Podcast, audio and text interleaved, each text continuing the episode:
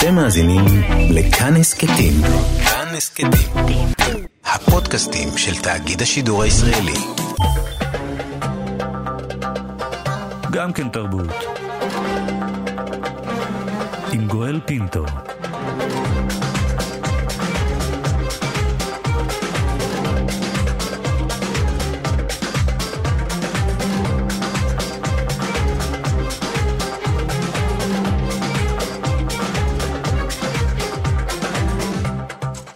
שלום, תודה שבחרתם להאזין לנו. הסכת אה, גם כן תרבות, המיטב מתוך התוכנית היומית שלנו, המשודרת בכל יום ברדיו כאן תרבות, 104.9, 105.3 FM. תהנו. גם כן תרבות, עם גואל פינטו. דווקא ביום זה אנחנו רוצים לחזור אל מגילת העצמאות, המסמך שהקריא דוד בן גוריון במוזיאון תל אביב אה, הישן ברחוב רוטשילד בתל אביב במאי 1948. בואו נשמע את אה, בן גוריון. אקריא לפניכם את מגילת היסוד של מדינת ישראל, אשר אושרה בקריאה ראשונה על ידי מועצת העם. ספר חדש, מגילת העצמאות עם תלמוד ישראלי רואה עכשיו אור. יש בו ניתוח של כל פסקאות מגילת העצמאות, שמנותחות על ידי 160 כותבות וכותבים מכל הציבוריות הישראלית. שניים איתנו, הפרופסור רחל אליאור מהחוג למחשבת ישראל באוניברסיטה העברית בירושלים. בוקר טוב לך, תודה שאת איתנו. בוקר אור. איתנו גם uh, הסופר והעיתונאי יהודה בשרת, uh, ספרו דוניה רואה אור uh, בימים אלה. בוקר טוב, תודה שאתה איתנו. לא, הוא לא נמצא איתנו, אז נתחיל עוד רגע, הוא יהיה איתנו, נתחיל עם הפרופסור אליאור. עד כמה באמת הישראלים ב-2019, והנה אנחנו 24 שעות לפני פתיחת אה, הקלפיות, מתייחסים, אה, אני לא אומר מכירים, אבל מתייחסים בכלל אל המסמך הזה? אני חושבת שאנחנו מתייחסים אליו, ואני חושבת שהוא ברקע השיח התרבותי שלנו, משום שחלקו הראשון מעגן את הזכות הלאומית של העם היהודי לריבונות בארץ ישראל. המגילה מצביעה על הזיקה ההיסטורית הרציפה של העם לארצו, על הגלות שנכפתה על היהודים והרחיקה אותם ממולדתם, על כמיהת הדורות לשוב לארצם. על הניסיונות לחזור ולהתיישב בארץ ועל הפגיעות הנוראה של העם היהודי בארצות הגולה, ושהסתיימה כידוע בחורבן היהדות בשואה באירופה. המגילה מתחילה בסקירה ההיסטורית כדי להגיע למסקנה המנוסחת במשפט, זוהי זכותו הטבעית של העם היהודי להיות ככל עם ועם עומד ברשות עצמו במדינתו הריבונית. Mm-hmm. כלומר, הדבר הזה שאנחנו עם ריבוני בעצמו, עם, עם ריבוני בארצו, עם חופשי בארצו, היא בעלת משמעות רבה מאוד לכל היהודים שיושבים בארץ. אבל למגילה יש חלק שני. אחרי שהיא מעגנת את הזכות להגדרה עצמית לאומית של העם היהודי במדינה של עצמו, החלק השני של המגילה, שהוא חשוב ביותר, שמתאר את החזון של המדינה, שכולו עומד בסימן מחויבות מוסרית עמוקה. כדאי להקריא את הפסוק הזה, את הפסקה ה-13 של מגילת העצמאות. מדינת ישראל תהיה פתוחה לעלייה יהודית ולקיבוץ גלויות. זה החלק היהודי, הייחוד של מדינת היהודים. זו המדינה היחידה בעולם שהיא פתוחה לעלייה יהודית ולקיבוץ גלויות. כלומר, היא מדינה פוטנציאלית של כל העם היהודי, mm-hmm. שרשאי לממש את יהדותו בעלייה לארץ כאשר יבחר. ואז מה ה... מגיע? ואז מגיע החלק הדרמטי, המג... המחויבות המוסרית העצומה שאומרת, המדינה תשקוד על פיתוח הארץ לטובת כל תושביה, אני מדגישה, כל תושביה. היא תהיה מושתתה על יסודות החירות, הצדק והשלום לאור חזונם של נביאי ישראל. תקיים שוויון זכויות חברתי ומדיני גמור לכל אזרחיה בלי הבדל דת, גזע ומין. תבטיח חופש דת, מצפון, לשון, חינוך ותרבות. תראה, זו מחויבות מוסרית שנטלו על עצמם המייסדים של המדינה בשמם של אבל היא מגיעה רק בסיפה, היא מגיעה רק בחלק לא, השני. לא, לא, תראה, כל המגילה כולה היא כמו מסמך משפטי, חזוני, מוסרי, היסטורי, דתי, לאומי. זאת אומרת, לא משנה מה מגיע לפני, מה מגיע אחרי, נכון. להכל יש את אותו תוקף, זה לא, מה שאת תראה, אומרת לי. אני אומרת שיש לה מבנה מאוד חשוב. יש לה תוקף משפטי מאז המהפכה החוקתית, כאשר השתמשו בפסקה הזו שהרגע הקראתי, כדי לעגן את uh, חוקי היסוד של זכויות האדם. ואני רוצה לחזור ולהזכיר, החלק הזה מתייחס לכל תושבי הארץ. הלוואי שהיינו יכולים להגיד שמימשנו אותו. אז, בוא, למור... אז, בואי, אז בואי נשים רגע נקודה, אה, ברשותך, פרופסור בבקשה. אה, ליאור, ו- ונשאל את עודה בשאראת, כאמור עודה בשאראת, אה, סופר ועיתונאי ספרו דוניה, רואה אור בימים אלה.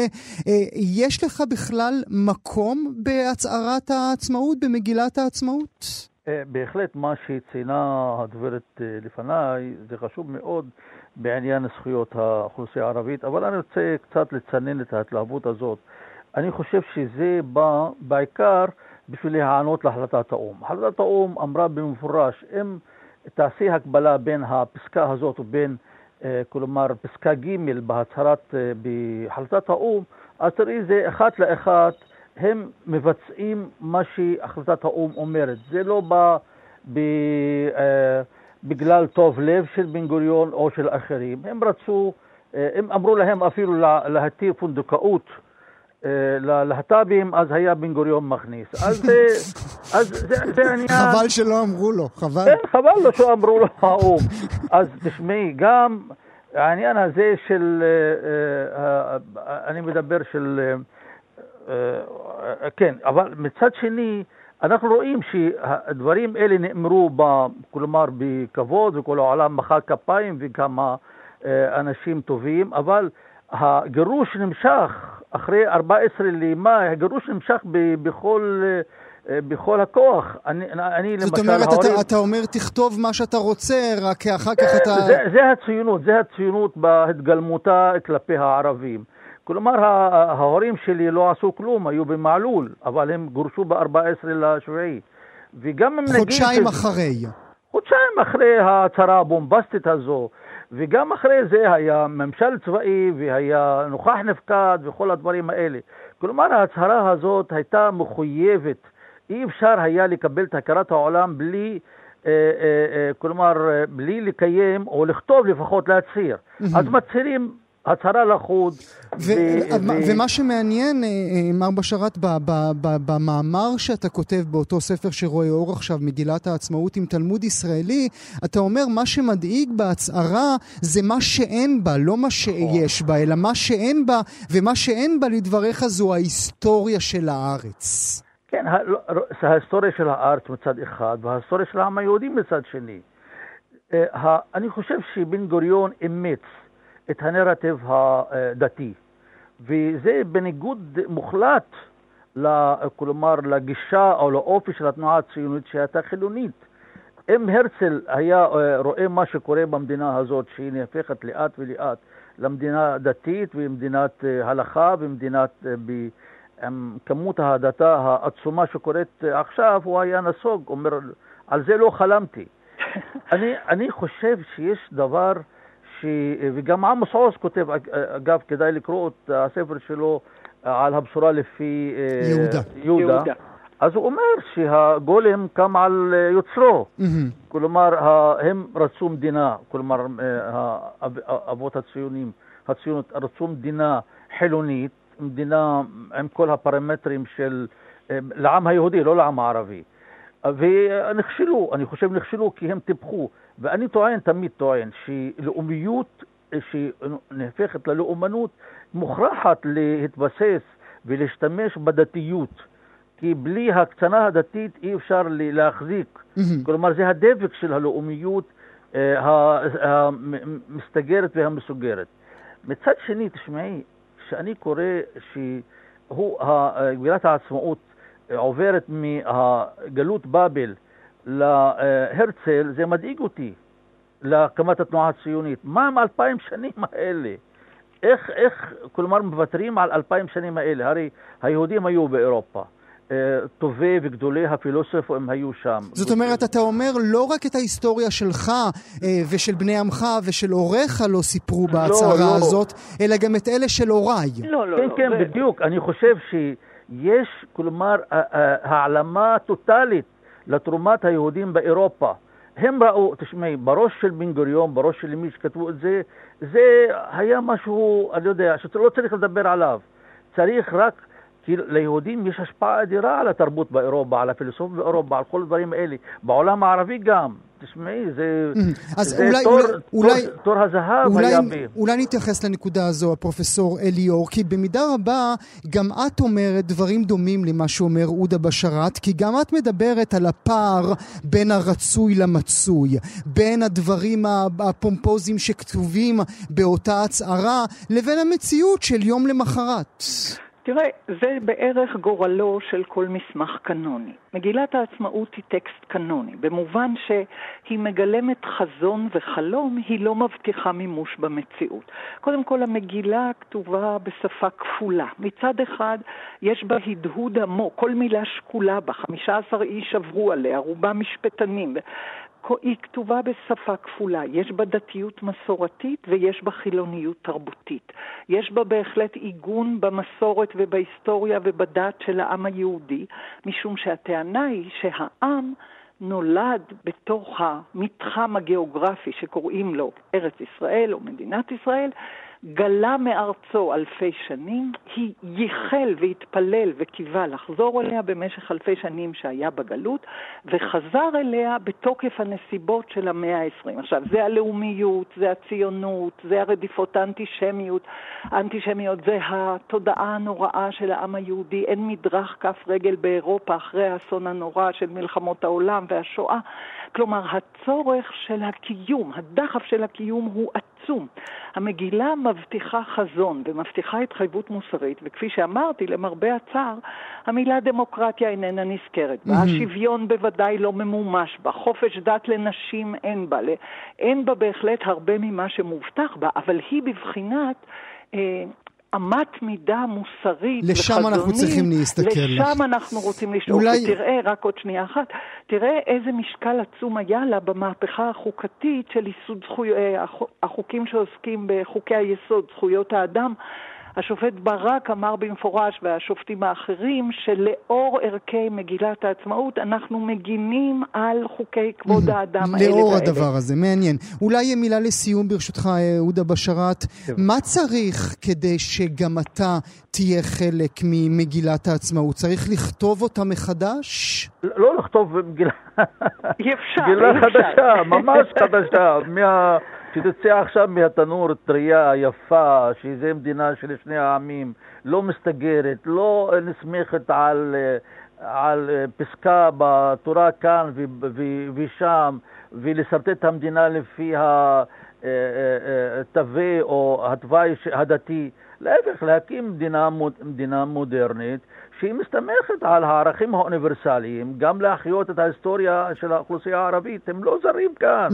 הם לא, לא מוזכרים, ואני לא יכול לצפות מבן גוריון שגירש אותם ב-48' שידאג להיסטוריה שלהם. גם, גם זה וגם זה. שלהם. אבל טוב. אנחנו מוכרחים, אם אנחנו רוצים באמת לבנות מדינה אה, שהיא טובה לכולם, אז לשנות את ה... אה, לכתוב אה, מגילה חדשה. מחדש. הפרופסור רחל אליאור ואהודה בשאראת, אני מאוד מודה לשניכם. תודה שהייתם איתנו הבוקר. תודה רבה. נתייחס אה, לעוד סדרה שעומדת לעלות אה, על המסך אה, ביום שבת, ה-21 לתשיעי, אה, בשעה שבע וחצי בערב, והנה תשמעו איך היא מתחילה. أنا برأيي أنا إنه البنت تتزوج سمرة تتزوج واحد أبيض تفكر مرتين مش عشان إنسان اللي رح ترتبط فيه لا عشان المجتمع كله وعشان كمان أولادها فلما נולד חביב. אז אתם שומעים את יש לי שאלה בערבית, שעומדת לעלות במוצ"ש, סליחה על השאלה, בערבית, למה אמרתי יש לי שאלה, ואבתיסאם מרן מנוחין, במאית הסדרה, נמצאת איתנו, שלום אבתיסאם. בוקר טוב, רונה. בוקר טוב ומזל טוב לעליית הסדרה. אה, אני ראיתי אה, שני פרקים שלה והיא פשוט נפלאה, אני חייבת להגיד לך, התמוגגתי. איזה כיף. כן. אז אה, הסדרה האהובה הזאת שהייתה גם ב, בעברית בחודשים האחרונים, עולה עכשיו בערבית, ובאמת יהיו בה כל מיני פרקים שחורים ורצח נשים ולהט"בים ואסירים לשעבר וחרשים ורווקות, באמת. כל מה ש... באמת המון דברים uh, מעניינים. לפני שניגע בה, אני רוצה לשאול אותך רגע, אי אפשר שלא להתייחס היום לבחירות. אני זוכרת שאת התמודדת בכנסת ה-18 עם מרץ, נכון? כן. התמודדת ופרשת, פרשת בעקבות התמיכה של המפלגה בעופרת יצוקה. איך את קמה הבוקר עם חיוך על השפתיים אחרי הבחירות אתמול? אה, קודם כל אני קמה עם חיוך על הפנים, כי המשותפת אה, עולה והציבור הערבי, בשותפות עם הציבור היהודי, שהוא אומר די ביבי, אנחנו הולכות לחולל שינוי. אולי השינוי לא יקרה, ויכול להיות שביבי יישאר ראש ממשלה, ואולי uh, מה שאני מייחלת לו, למדינת ישראל ולאזרחים ולאזרחיות, שיהיה פה אלטרנטיבה שיתופית, בלי גזענות והדרה ושנאה של האחר, ובעיקר להפסיק את מלחמת האחים. אבל אני מאוד אופטימית שהרשימה המשותפת כן עולה, ואני מקווה שבבחירות הבאות אנחנו נהיה קול מאוד חשוב, ויספרו אותנו ויראו אותנו, ויפסיקו להתגזען, ויקחו אותנו כשותפים למקום הזה, למדינה הזאת, ולתקווה. הלוואי, תשמעי, לא מעט גזענות הייתה במערכת הבחירות הזאת כלפי המגזר הערבי, אה, וזה היה לא פשוט. אה, למה בעצם המשותפת לא יכולה להיות חלק מהממשלה, אבתיסאם? אני מאוד מקווה שתהיה חלק מהממשלה, רק לא של ביבי. רק לא של ביבי, כי הם הכריזו כן. כבר על אופוזיציה וכו', וככה... טוב, צריך לראות גם אם, אם השותפות האחרות ירצו אותה, זה גם שאלה, זה לא תלוי רק ברצונה. אה, כן. טוב, אז, אז אני, אני לוקחת ממך את האופטימיות ובאמת מקווה ש, שנראה כאן אה, דברים טובים יותר. אה, אז אני חוזרת איתך אל הסדרה. סליחה על השאלה. אה, תגידי, אה, היה קשה למצוא אנשים שיבואו להתראיין? החברה לא. הערבית סגורה יותר מהחברה היהודית? לא, היה אומץ מאוד מאוד גדול של התאגיד אה, להגיד למכאן, להזמין אותם, להגיד להם, קחו את הסדרה, תעשו אותה בערבית, זה שלכם, ובואו תוכיחו שהחברה הערבית בישראל מסוגלת להיות, אה, לקחת על עצמה את האחריות ולענות לשאלות מאוד מאוד מאוד מאוד לא פשוטות ולהתמודד עם זה. ומכאן, הטלוויזיה בערבית, 33, לקחו את המושכות ואמרו, יאללה, אבתיסאם, אנחנו מזמינות אותך, יולי-אוגוסט חברת ההפקות, תחברו יחדיו ותרימו את הסדרה הזאת, וכשפנינו לחברה הערבית, החברה הערבית נהרה בהמוניה בשביל להיות ולקחת חלק בדבר מאוד מאוד מאוד אמיץ וכנה בטלוויזיה, בטלוויזיה הישראלית. ולא היה קשה, להפך. לא היה קשה, זה הפתיע אותך? ממש כי, לא. לא, אין, זאת אומרת, כי יש שם כן. שאלות הרי, זה, זה העניין של הסדרה, זה היופי שלה, ששואלים נכון. דברים שהם לא פוליטיקלי קורקט, מה שלא שואלים נכון. בדרך כלל. אה, כשבן אדם בא לעבוד איתנו, אה, הוא נכנס עם אה, כיסא גלגלים, או אנחנו רואים את צבע העור שלו, אנחנו לא נשאל אותו על זה. ופה לגמרי. מסירים את כל הכפפות וישר שואלים על זה. כן. כי מה שקרה פה... זה מקובל בחברה הערבית, היא לא... אני, אני אביא סטריאוטיפ עכשיו, אין שמרנות מאוד גדולה, זה לא סותר את זה? זה לא קשור לשמרנות. מה שאת כרונה יהודייה, וכמוך יש המון, שחושבות שמה שהפוליטיקה הישראלית מתעסקת בו לרוב, ומגדירה לך גם עולם התוכן שלך והפרספקטיבה על חברה ערבית. היא חברה שמרנית, יש בה רצח ויש בה אלימות ויש בה שתיקה ויש בה הכל. אבל שכחנו גם לקחת בחשבון שיש תרבות בתוך החברה הערבית שהיא לא הולכת יד ביד עם הפוליטיקה ומה שאת שומעת אותה. יש תרבות ויש חברה חילונית בתוך החברה הפלסטינית הערבית בישראל, שהיא אומרת משהו אחד מאוד מאוד ברור. אנחנו חברה חילונית, אנחנו חברה פתוחה, אנחנו מוכנות לדבר על הכל, גם אם אנחנו עם כיסוי ראש. והדבר הזה בדרך כלל לא נשמע בטלוויזיה וגם לא נשמע ברדיו, בטח ובטח לא ברדיו של גלי צה"ל. עכשיו, מה שקרה בסדרה הזאת, ברגע שבאה הבמה, הגיעה הבמה, ואמרנו להם, בואו, יש פה נושאים של טאבו, שבדרך כלל אנחנו לא רואות אותם בטלוויזיה ואנחנו לא שומעות עליהם, ואנחנו רוצות להתמודד איתם, ועומדת מולכם במאית ערבייה, בדיוק מבינה את את הקודים של הגזענות נגד השחורים ונגד השנאה נגד הלהט"בים, ויש רצח נשים, ויש את הדור הראשון למשפחות מעורבות, ובואו נדבר על הכל. ואני מוכנה לשמוע, ובאתי בטוחה שהחברה הערבית יכולה לספק את הסחורה. אה, עמדתי מולם בטוחה קשובה מאוד למה שאמרו לי, והלכנו עם הדבר הזה יד ביד, ואני רוצה להגיד לך, יצאתי מהסדרה הזאת כל כך מחוזקת, כל כך מאוהבת בחברה הערבית, שגיליתי שוואו, יש תקווה, החברה הערבית לא הספידה את עצמה, היא לא קפצה. התכנסה ולא התאבדה.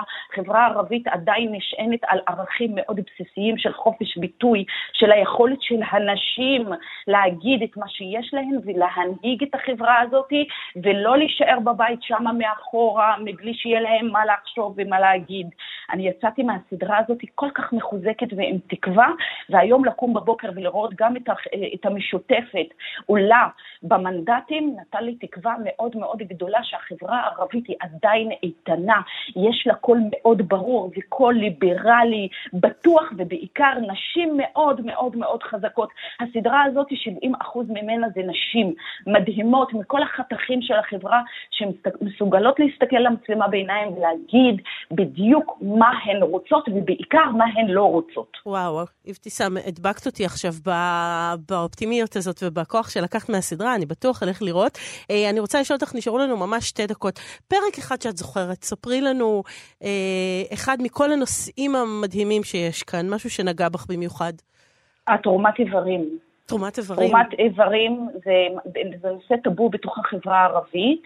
היה אה, נדמה שהחברה הערבית המוסלמית היא לא חלק בסיפור הזה של תרומת איברים. ישב מולי בפרק על תרומת איברים, ישבו מולי אבות ואימהות שדיברו על הילדים שלהם שמתו. ילד בן 14, הבן של אה, דוקטור סמיר, הוא ראש עיריית אום אל-פחם, איש מאוד שמרן, דתי והכול, הבן שלו מת בגיל 14 והחליט לתרום את האיברים שלו. הבן אדם הזה ישב מולי ובכה.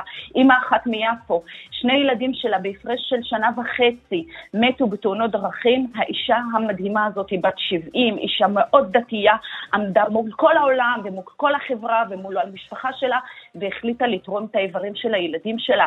זה פרק שנותן כל כך תקווה, היא מתעלה מעל הפוליטיקה, מעל החברה, מעל החילוניות, מעל הדתיות, מעל השיסוע שאנחנו מכירות אותו בעולם שלנו, ומגיע לרבדים של אנושיות ורוחניות מאוד גבוהה, להגיד, וואו. הבן שלי מת, אני מחיה בן אדם אחר. וואו, איזה יופי. ה... אז ממש. לכו לראות את הסדרה, אה, סליחה על השאלה, בערבית, הסדרה אה, תשודר, כמו שאמרנו, בימי שבת, בשעה שבע וחצי.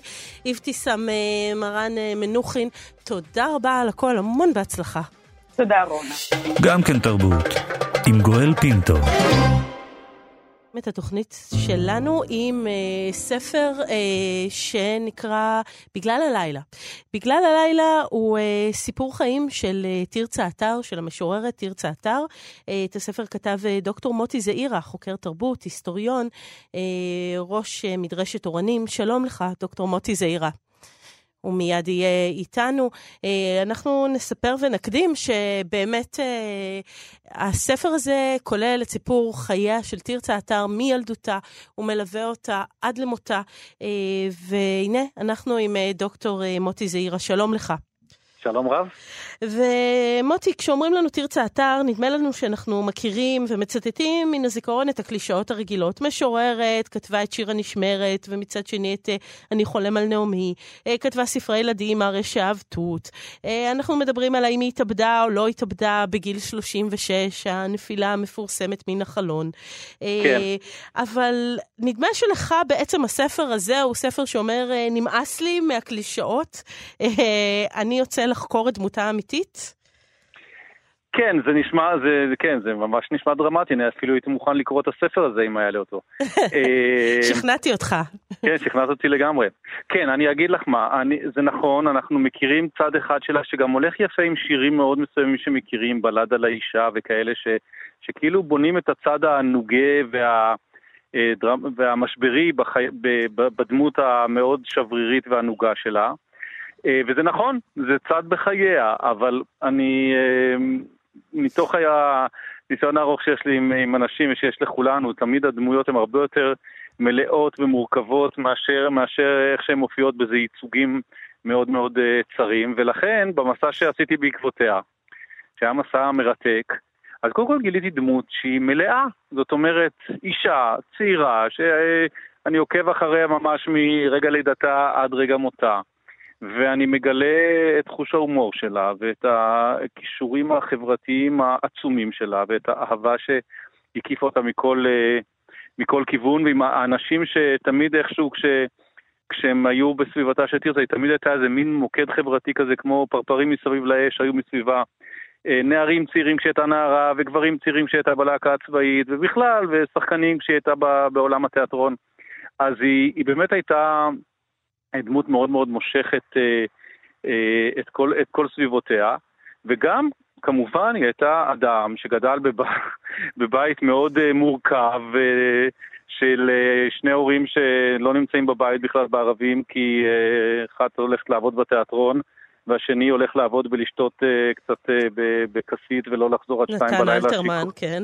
כן, ולכן, והיא גדלה עם הסבתא, בעיקר עם, עם, עם אימא של uh, נתן, ו...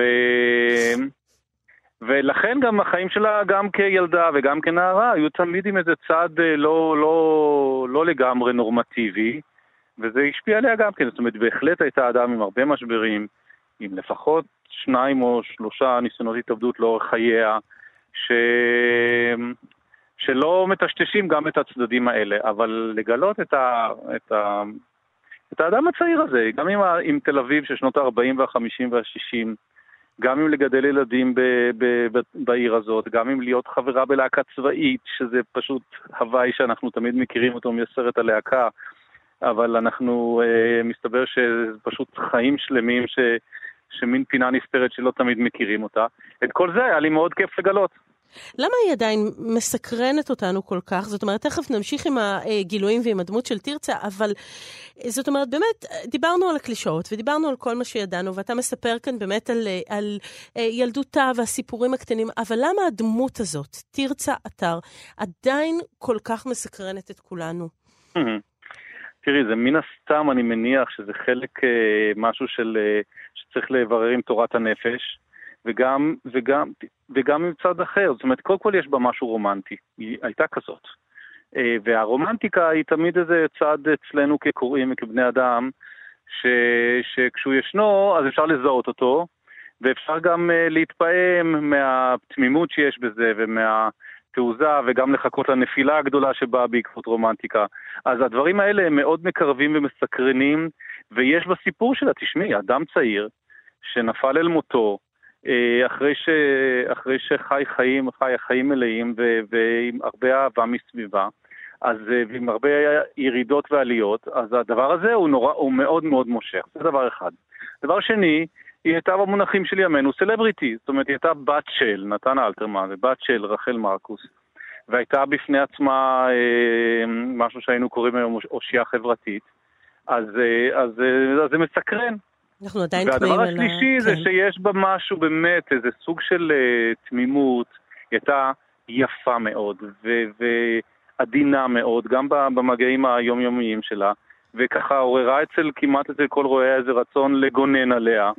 אז אני חושב שהדברים האלה הם עוברים, זאת אומרת, רומנטיקה זה תמיד טוב, ועצב ומצבי רוח זה גם uh, מאוד מושך, אז הנה, יש לך את זה. הנה, יש את זה. אז uh, תשמע, כשקוראים את הספר ובאמת uh, נפרסים שם חייה ו- ונפרסת אישה באמת מאוד עגולה, מאוד מורכבת, מה שנגע בי הוא הסיפור שעובר כקו השני uh, של יחסי ההורים וילדים באיזשהו כן. אופן. Uh, כן. אני, אני מצאתי אותו לאורך כל הספר, אתה תיארת את uh, רגע הנפילה המפורסם שלה, שאי אפשר לא לתאר אותו, שהחלון נשאר פתוח, uh, uh, ובעלה uh, בנצ' אני אומרת נכון את שמו? כן, בנץ'. בנץ' כן. נכנס אל תוך החדר והוא לא רואה אותה והוא רואה שהכפכפים שלה עדיין נמצאים בחדר. אה, ואני קראתי את, ה, את הקטע שאתה מתאר שם, את הסיפור הזה, והלב יצא אל ילדיה הקטנים, אל אה, נכון. יעל ונתן. אה, כן. הם שניהם... מבינים שאימא קפצה, את נתן מורידים אל השכנה שלוקחת אותו, נתן סלור, שלוקחת כן. אותו אל גן הילדים. הילד כן. מבין שאימא מתה. אתה מתאר שם אה, צורה מצמררת. שהוא הולך לגן, הוא יושב בתוך גן הילדים ובוכה ואומר לעצמו, אמא מתה, אמא מתה, אמא מתה, והגננת כן. נותנת לו שם איזה פרוסה של אוכל, והוא נמצא שם כל היום. לבד כן. עם הידיעה הזאת, אף אחד שם לא יודע שזה קרה. אה, כן. ואז כשאבא שלו בא לקחת אותו בסוף היום, הוא שואל אותו, מה עם אמא? והוא אומר, לה, אומר לו, אמא מתה, כמו אגרוף בבטן, הוא לא מרכך אפילו כן. את הידיעה. כן, אה, כן. והבת שלה שיושבת עם הסבתא, והן מדברות על השולחן, והסבתא אומרת, אני מקווה שהיא עוד תחזור, שהיא תוכל ללכת. ו... כן. הסיפור של הילדים, שאולי הוא בעצם איזו מראה גם לסיפור שלה באיזשהו אופן. זאת אומרת, ה... היותר מדי הזה, הרגעים הקשים, הנוראים האלה, זה מה שנגע לי מאוד בספר. כן. תראי, קודם כל צריך להגיד שתרצה גדלה בבית עם שני הורים. זאת אומרת, עם כל המורכבות שתיארתי קודם, ומה שאנחנו יכולים לדמיין על חיים בוהמיאנים כאלה, ומאוד, אה, ואישה, שליש, ואישה שנייה שנמצאת ברקע, אה, מבחינת המאהבת של נתן אלתרמן. אז כאילו את כל הדברים האלה היא קלטה, אבל בסופו של דבר, וזה אחד הגילויים שהיו לי, תרצה כילדה עם הוריה, היו להם יחסים מאוד מאוד קרובים, זאת אומרת, זה לא רק המורכבות של משורר עם בתו, אה, שכבר אה, כתוב, נכתב על זה לא, ונאמר על זה לא מעט, אלא באמת היה שם, הייתה שם דאגה, והייתה שם קרבה, והייתה שם אהבה, ו... והיו גם מתחים, והיו כעסים, אז כאילו. אה, יש כאן חיים מלאים של ילדה, ואחרי זה של נערה, ואחרי זה של חיילת, ואחרי זה של אישה צעירה, ואחרי זה כאימא שיש לה, שיש סבתא לילדים שלה. אז, אז יש כאן מערכת יחסים מלאה של הורות, וזה גם צעד שפחות מוכר באלתרמן. זאת אומרת, תמיד יודעים להגיד שהוא דאג לאשתו, לביתו, שמרי נפשך וזה, אבל, אבל אה, זה הרבה יותר, זה כאילו באמת הרבה יותר מלא והרבה יותר קרוב ללב. כשרואים את כל היחסים שלהם. תראה, זו משפחה עם יחסים... הראשון, כן, סליחה. אז במחזור הראשון, כלומר, תרצה והוריה, אפשר לראות יחידה משפחתית מורכבת, אבל מתפקדת, והרבה מאוד אהבה ו... רגעים של אינטימיות. כן, אבל יש את המאהבת שהוא יושב איתה בבתי הקפה, צילה בינדר, אה, שהוא יושב איתה כן. בבתי הקפה, אה, והילדים ערים לעניין הזה ולסיפור הזה. אני חייבת להגיד לך שכשקראתי את הספר, זו לא ביקורת על הורות לא טובה, חס ושלום, אני לא, לא עושה כאן שיעור בהורות, אה, לא לאלתרמן ולא... כן, ברור. זה לא העניין, אבל יש איזו תחושה ש, של... ברור למה יש שם מורכבות רגשית מאוד גדולה, זאת אומרת, אני לא בטוחה שזו משפחה נורמטיבית. אני לא בטוחה כן, שהילדה שהולכת נכון. להביא פתק לבית הקפה אה, כשאבא אימא מאהבת זה סיפור נורמטיבי. אה, ואני חושבת שהם גם אולי תמכו בה מכיוון שהייתה שם מורכבות. זאת אומרת, הם ליוו אותה כל החיים עם הדיכאונות ועם הקשיים, היא גרה אצלם בגיל מבוגר, אבל גם הילדות יצרה מורכבות. לא, ללא ספק, אבל גם בילדות הזאת היה, אלתרמן היה למשל בוועד ההורים של בית הספר. זאת אומרת, זה בריאות ונורמליות. אני גם מביא כמה קטעים אה, על, על, על הסצנות האלה, איך, איך המערכת הבית ספרית מעריצה את אלתרמן המשורר, אבל הוא מוזמן ל, לשיחת בירור על השובבויות של ביתו, והמנהל בחוכמתו אומר לאלתרמן, אה, איך זה שיכול למשורר הלאומי ולשחקנית הדגולה יש אה, נוצרה בת שלא, שלא ירשה מכם שום דבר, ואז אלתרמן פשוט יוצא, יוצא עליו ועוזב בחמת זעם את, ה, את המקום. כלומר, או בהתכתבויות שיש ביניהם והדאגה שיש סביבם, אה, הדו-צדדית, כשהיא, כשהיא כבר יוצאת לצבא בעצם פעם ראשונה עוזבת את הבית. אז זה נכון שזה לא, שזה בית, אי אפשר, לה, שני הדברים מתקיימים, זה בית שאין בו, שיש בו דברים שלא, אין, אין ב, במשפחות אחרות, אבל זה גם בית שיש בו הרבה מאוד אה, אה, חיי, חיים של, אה, של משפחה עם כל, ה, עם כל המלאות שלה. וזה מה שיפה, זאת אומרת, אתה לא יכול לספר סיפור חד משמעי, להגיד, הנה הילדה ששילמה את מחיר הוריה ובגלל זה היא הייתה משברית, זה יהיה פשטני מדי ו... ו... וגם חוטא אל האמת, כיוון שבעצם היו בה גם, גם יסודות מאוד מאוד בריאים ו... והרבה מאוד רגעים של נורמליות ואינטימיות. Uh, אני חושב שאפשר לראות את זה, את שאלת כאילו על ההשתקפות של מערכות הוריות והורים וילדים, אז תרצה כאימא הייתה, קודם כל, הילדים שלה היו, ה, היו העוגן שלה במובן הזה שהם ייצבו אותה, היא הייתה גם בוהמיאנית וגם עם כל הסיפור החיים הלא פשוט שלה, אז כל שנות ה-20 שלה זה שנים של uh, יום זה לילה ועישון אינסופי ושעות לא שעות וכל מיני דברים כאלה וכל... ונפילות רגשיות. והולדת יעל, הבכורה, ואחרי זה של נוני, של נתן, נתנו איזו יציבות מאוד בסיסית לחיים שלה, וגם את היכולת שלה להשפיע אהבה וצחוק, והיא כותבת, אה, היא כל הזמן באיזו תקשורת יצירתית עם, ה, עם הילדים שלה, שכולם הפכו להיות אחרי זה סיפורי ילדים שיצאו והתפרסמו. אני, ו... אני קראתי בספר ש, שיעל ביטה לא תמיד אהבה אה, שסיפרו נכון. מה היא אוכלת נכון. ומה יש בפיתה ומה... כן, בדיוק, כי תרצה השתמשה בכל חומרי היום-יום והפכה את זה לסיפורים שאנחנו כקוראים מאוד נהנים, גם נהנים לספר לילדינו. אבל uh, לפעמים הגיבורה עצמה לא ממש אהבה את זה, זה נכון. אני רוצה לשאול אותך לסיום... אבל מצד שני זה גם החמיא לה, זה את יודעת, היא כן. בכל זאת, כן. יעל מטיילת, זה ספר על שמה. נכון, כן. היא נשארה בספרים. דוקטור מוטי זעירה, אני רוצה לשאול אותך לסיום, יש משהו שחסר לך בפאזל? פאזל, לו יכולת עכשיו לפגוש לכמה דקות את תרצה אתר, לו היא הייתה כמה מן המתים ובאה אלינו, מה היית שואל אותה?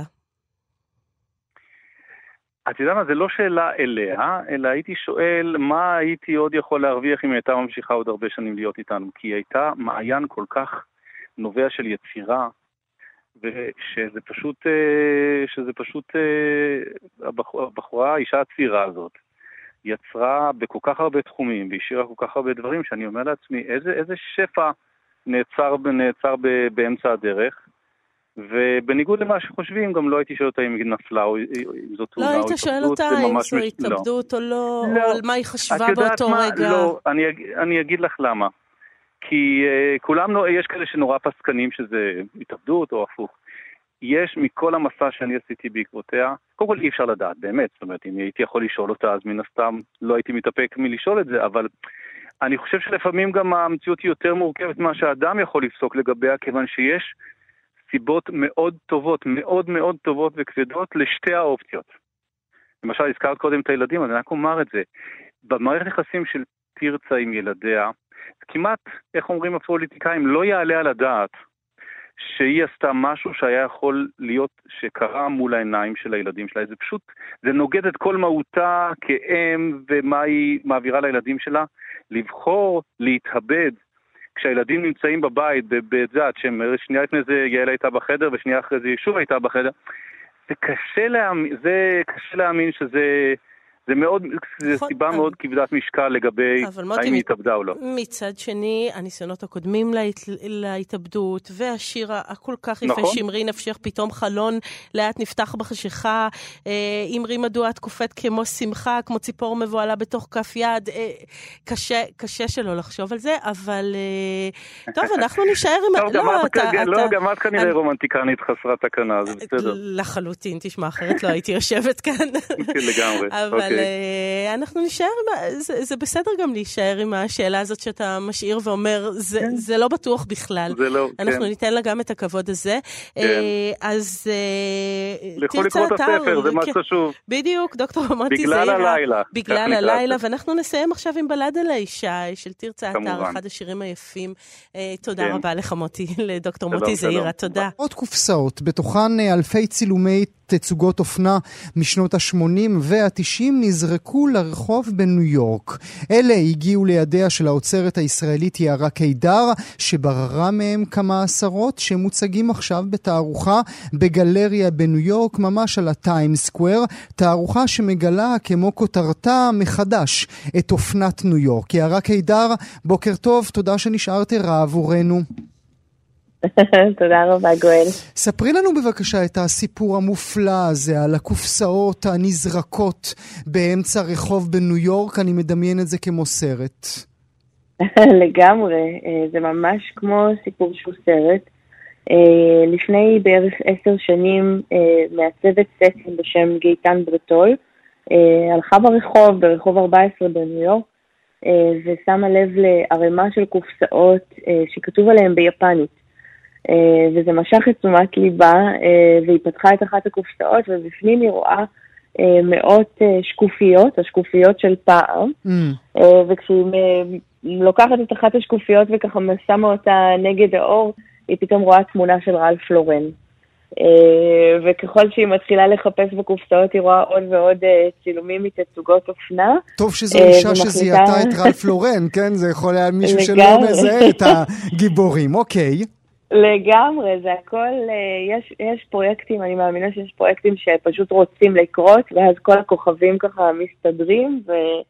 היא זיהתה אותם והחליטה לקחת אותם הביתה, היא לא ידעה מה היא תעשה איתם, אה, ו- ובאמת לא ידעה מה לעשות איתם במשך עשר שנים. אה, לפני בערך שנה היא נפגשה עם חברה שלה, שהיא צילי צ'רני.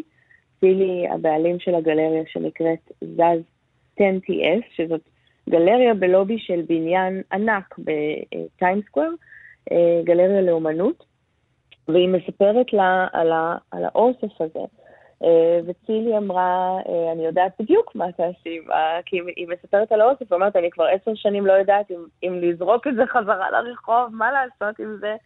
היא אמרה, אני מציעה שזאת תהיה תערוכה. ואז בעצם פנתה אליי. אבל רגע, עוד, לפ... עוד, עוד לפני כן, אמרת לנו כן. ככה, בשנייה אחת אמרת שהיה שם כיתוב ביפנית. איך זה קשור לסיפור ההרפתקה שלנו? אז זה מסוג הדברים שמגלים רק בהמשך, אחרי שצוללים לתוך, ה... לתוך הקופסאות. האוסף הזה, בעקבות חשבונית שנמצאה באחת הקופסאות, יכולנו לקשר אותו לבעלים. הבעלים הייתה עיתונאית אופנה יפנית, קראו לה יוריקו טומיטה, אה, והיא חיה בניו יורק 40 שנה, ודיווחה על אופנה ליפן. וואו. זאת אומרת, היא בכלל לא כתבה מעולם אף מילה באנגלית. אם מחפשים אותה בגוגל לא עולה שום דבר. אני חיפשתי בארכיונים של NYU, בארכיונים של הניו יורק טיים, כלום לא עולה. אמ, ואז בעצם, אה, בשיתוף פעולה עם חוקרת ביפן, הצלחתי ממש לאתר את הכתבות אופנה שלה במגזין שהיא כתבה בו, היא כתבה במגזין של אופנה וטקסטיל כל השנים, זה מגזין ש... יצא מדפוס, ב... זאת אומרת, נסגר ב-2010. אמ, ומה, ועם, הס... ועם, הסגירה, עם הסגירה של הירחון הזה, היא אוספת את המטלטלים שלה לאור... לאורך 40 שנים, עוזבת את ניו יורק וחוזרת הביתה ליפן? אז אנחנו לא, לא, זאת אומרת, בגלל שאנחנו לא, לא התמזל מזלנו לדבר איתה, היא נפטרה לפני שנתיים. אה, מה שקרה זה שהיא עברה לגור חזרה ביפן, אה, והייתה שריפה בבניין שבו היא גרה. Mm. אה, ואחרי השריפה פשוט לא הייתה ברירה כנראה למשפחה, אלא לפנות מהרבה מאוד דברים מהדירה, כולל את האוסף הזה. הדירה בניו יורק היא זו שעלתה באש. כן, הדירה בניו יורק כן, היא זו שעלתה באש. אז את מקבלת את ה... את מקבלת, אה, כאמור, אמרנו, אומנית ומעצבת מצאה את הקופסאות האלה, שמרה את זה אצלה בבית למשך עשר שנים, מדברת עם הישראלית לשעבר צילי צ'רני, שהיא בעלת הגלריה, היא, אותה בעלת גלריה, קוראת לך, ואת צוללת פנימה. מה את מגלה? קודם כל, אה, אה, הדבר המעניין לגבי הגלריה של, אה, של צילי צ'רני, שבבניין הזה, ברחוב, איך נקרא לו? 1441 ברודוויי, עבדו במשך כל התקופה הזאת של שנות ה-80 וה-90 רוב מעצבי האופנה של ניו יורק. Hmm. ואז צילי הציע שבעצם התערוכה תהיה מחווה למעצבים שעבדו בתקופה הזאת בבניין. נחמד, אז זה כאילו. זה חזר הביתה. ממש, כמו סגירת uh, מעגל או כפתור. Uh, ובעצם uh, uh, הפוקוס שלי במחקר היה גם על העבודה של תומיטה, של העיתונאית אופנה, וגם ספציפית על המעצבים שעבדו uh, בבניין הזה בתקופה הזו. לחלקם היו שואו-רומים, לחלקם היו סטודיואים. אה, זו תקופה אדירה באופנה האמריקאית. אה, אה, לפרי אליס למשל היה קרוב ל-50 אלף מטר של סטודיו hmm. בבניין הזה. לליז קלייבורן, שמות שהיום אנחנו כבר פחות אולי רגילים אליהם, לליז קלייבורן היו שלוש קומות שלמות בבניין הזה, זה בניין עצום. אז בעצם במעצבים האלה מתמקדת התערוכה. אה, שזה כולל גם את דונה קארן ואת מרק ג'ייקובס ואת אייזק מזרחי, אה, אן קליין, אנה סוי, זה בעצם, אה, חלקם הם עד היום הכוכבים הגדולים. והחלק השני של, של המיקוד בתערוכה הוא בסופר מודל, mm. שזאת תופעה מרתקת של שנות ה-80 וה-90. הנשים העל-אנושיות האלה. כן, אה, בדיוק, של, בדיוק של השבוע של... שוחחנו על פיטר לנדברג, שבאמת צילם נכון. את אותן נשים שמופיעות בוודאי בתערוכה שלך, מנעמי קמבל ועד נכון. לינדה אבנגליסטה וסינדי קרופורד. אז בעצם את מה, את עושה בתערוכה הזו מין קפסולה של זמן, מין קפסולה של שני עשורים, שבהם האופנה, אה, אה, לא רק שהיא שלטה אה, באות קוטור, אלא גם שלטה בעולם כולו, מין להגיד איך העולם היה נראה פעם? לגמרי. אני חושבת שמה שמדהים לראות זה שיחסית אנחנו חושבים על שנות ה-80 וה-90 כעל תקופה לא כל כך רחוקה, אבל כשמסתכלים על התמונות, רואים כמה השתנה, אה, כמה השתנה בזכות אה, הטכנולוגיה, אה, כמה השתנה בזכות זה שהתעשייה עצמה צריך לזכור שרוב האופנה האמריקאית הייתה מיוצרת ב Garment District, אה, באזור הלבוש mm-hmm. של ניו יורק, שזה בעצם גם מה שם... מה זה, זה השדרה השביעית שם בערך, לא? האזור של, כן, בין השדרה השביעית עד אה, ברודוויי, ובין, נדמה לי, 42 עד רחוב 26. ו, ושם הייתה מיוצרת האופנה האמריקאית, צריך לזכור שבשיא שלה, בשנות ה-60, 99% מהאופנה בארצות הברית הייתה מיוצרת שם, mm-hmm. באזור הזה. ולאט לאט הייצור עבר אה, אה, אל המזרח, ומשם בעצם היום רק 3% מיוצר בתוך, אה, בתוך ארצות הברית, שזה מעט מאוד. גם אנחנו מדברים על תקופה, תקופת עבר במובן הזה שלא היו את רשתות, רשתות העל שקיימות היום, שאתה קונה אה, טישרטים בסדר גמור ב-20 שקלים. נכון, אנחנו uh, קוראים להם הרשתות של האופנה המהירה. Mm-hmm. והרשתות של האופנה המהירה, של ה-fast fashion, שינו את המשחק בסוף שנות ה-90. הקצב השתנה, uh, uh, כל, זאת אומרת, פעם המעצבים היו מראים, ואחרי שנה זה היה מגיע לחנויות. היום אין דבר כזה, כן. ולפעמים בן לילה כבר אה, מועסק במקומות אחרים. ודבר נוסף בעיניי, קומה נוספת שיש בתערוכה, mm-hmm. אה, שמדברת על העבר הזה, וכמו שאת אומרת, זה נשמע לפני, אה, לפני אה, יובלות, אבל זה בסך הכל היה לפני 20 שנים, וזה עניין הצילום, הצילומים עצמם. נכון. הרי היום עם, אה, עם הטלפונים החכמים של כולנו, כבר לא צריך להיות אה, כתבת אה, אופנה יפנית שמהגרת לאמריקה כדי לדווח על. אבל היום אני רואה את התצוגות ברגע שהן קורות, כי יש לי אינסטגרם. נכון מאוד. אה, קודם כל, להסתכל על התמונות של התצוגות ואין אף מסך ב- בין השורות. זאת אומרת, כולם יושבים... יושבים יפה.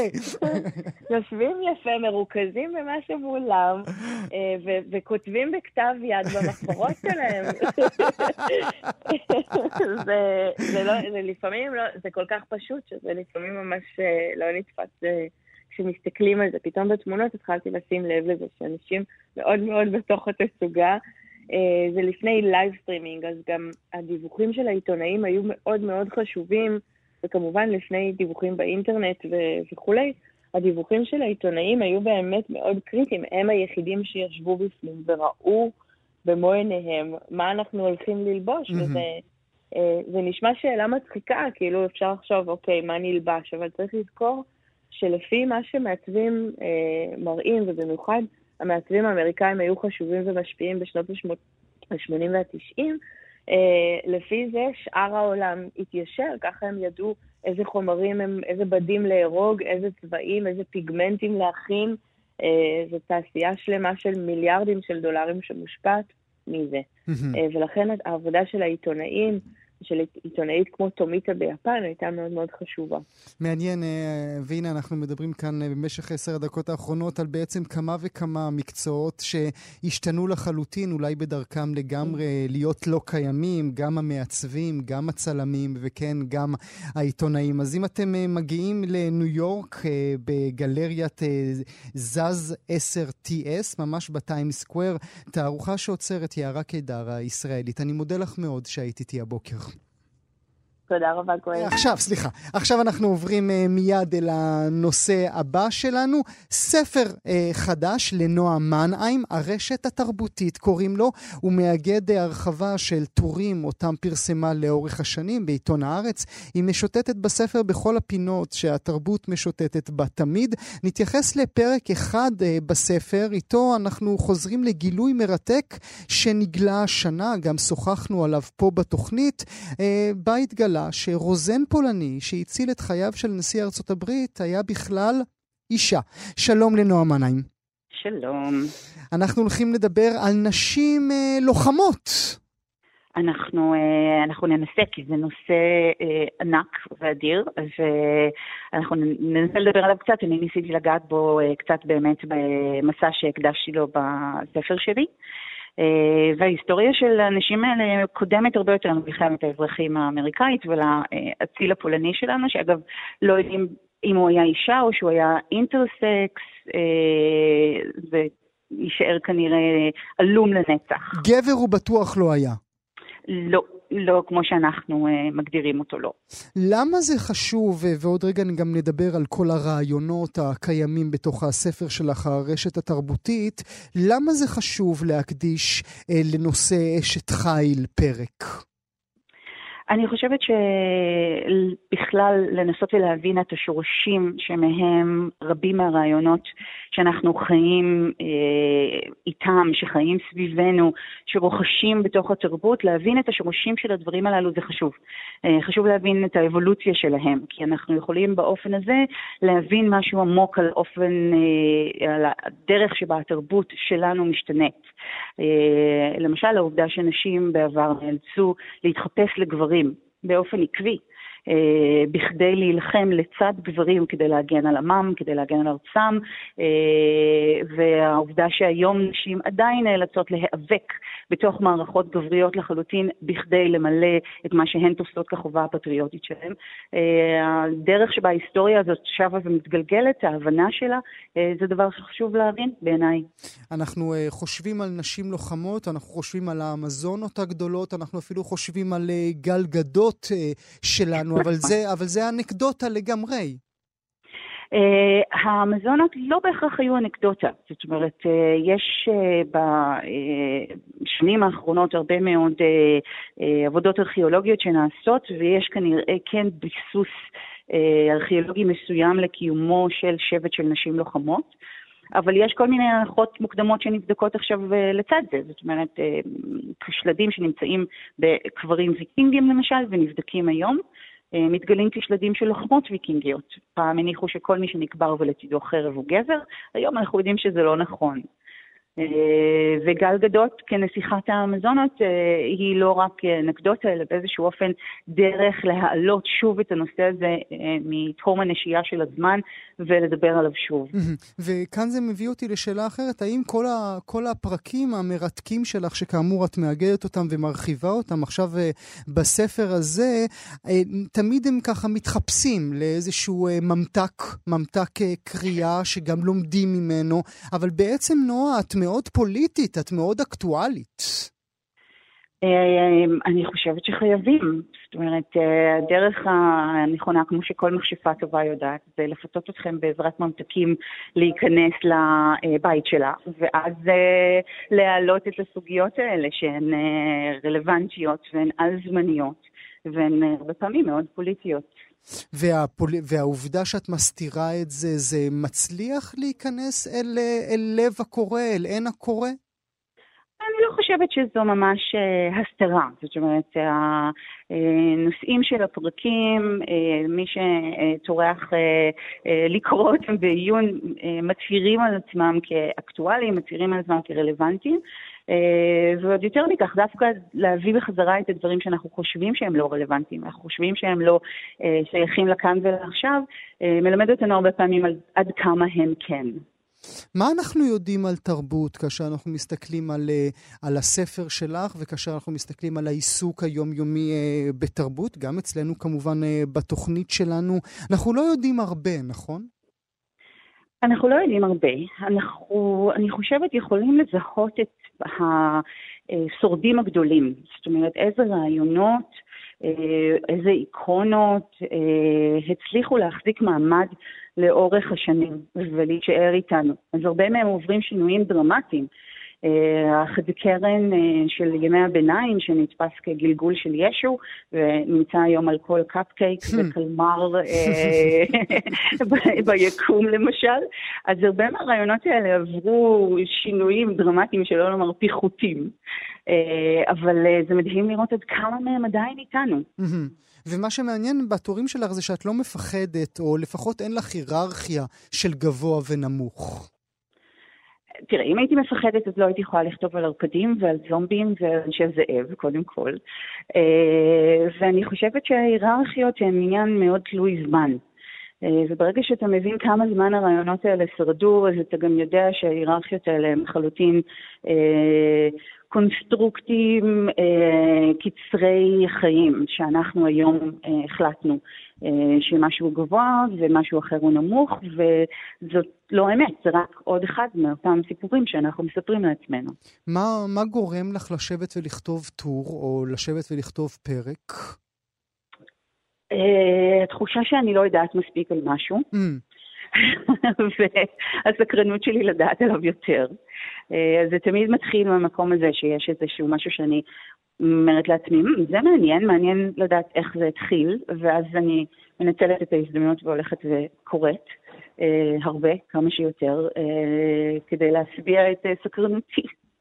את uh, צריך גם לומר, uh, אני מניח ש, שרבים מהמאזיניות והמאזינים שלנו יודעים, את uh, עוגן אמיתי גם בעולם המו"לות. את חושבת שמין ספרים שכאלה כמו זה שהוצאת עכשיו חסרים במדף הספרות הישראלי? מין ספרים מרחיבי דעת? חלילה לי להיות הנחתום שמעיד על עיסתו. לא, אבל זה עם הכובע של המו"לית עכשיו, עם הכובע של המקבלת החלטות. Uh, אני חושבת שדווקא בתחום uh, ספרי העיון, שהוא לא התחום שאני עוסקת בו, אבל uh, תחום שאני קוראת בו הרבה, מדף הספרים הישראלי מאוד מגוון, ויש עורכי עיון נהדרים בארץ שבאמת מרחיבים אותו יותר ויותר. הייתי רוצה לראות יותר כתיבה מקורית על הנושאים הללו, ואני מקווה שאולי עזרתי בכך. אולי נסיים את השיחה ב... בוא נאמר ב... החלק האחורי של האוזן האחורית של הספר, את כותבת, אל נא תגנוב ספר זה. הסבירי.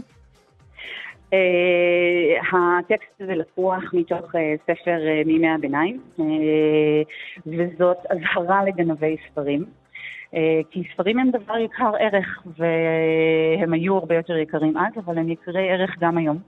אז uh, צריך לשמור עליהם. אז הנה, אל תגנבו את הספר הזה, הרשת התרבותית, מסות על מסעותיהם של הרעיונות, ספר חדש לנועה מנהיים. אני מודה לך מאוד שהיית איתי הבוקר. תודה רבה. כאן הגיעה לסיומה תוכנית נוספת של גם כן תרבות. כרגיל, אנחנו שולחים אתכם לעמוד הפודקאסטים שלנו, עמוד ההסכתים, בכתובת כאן.org.il/פודקאסט, שיהיה לכם מה להאזין. תודה שהייתם איתנו.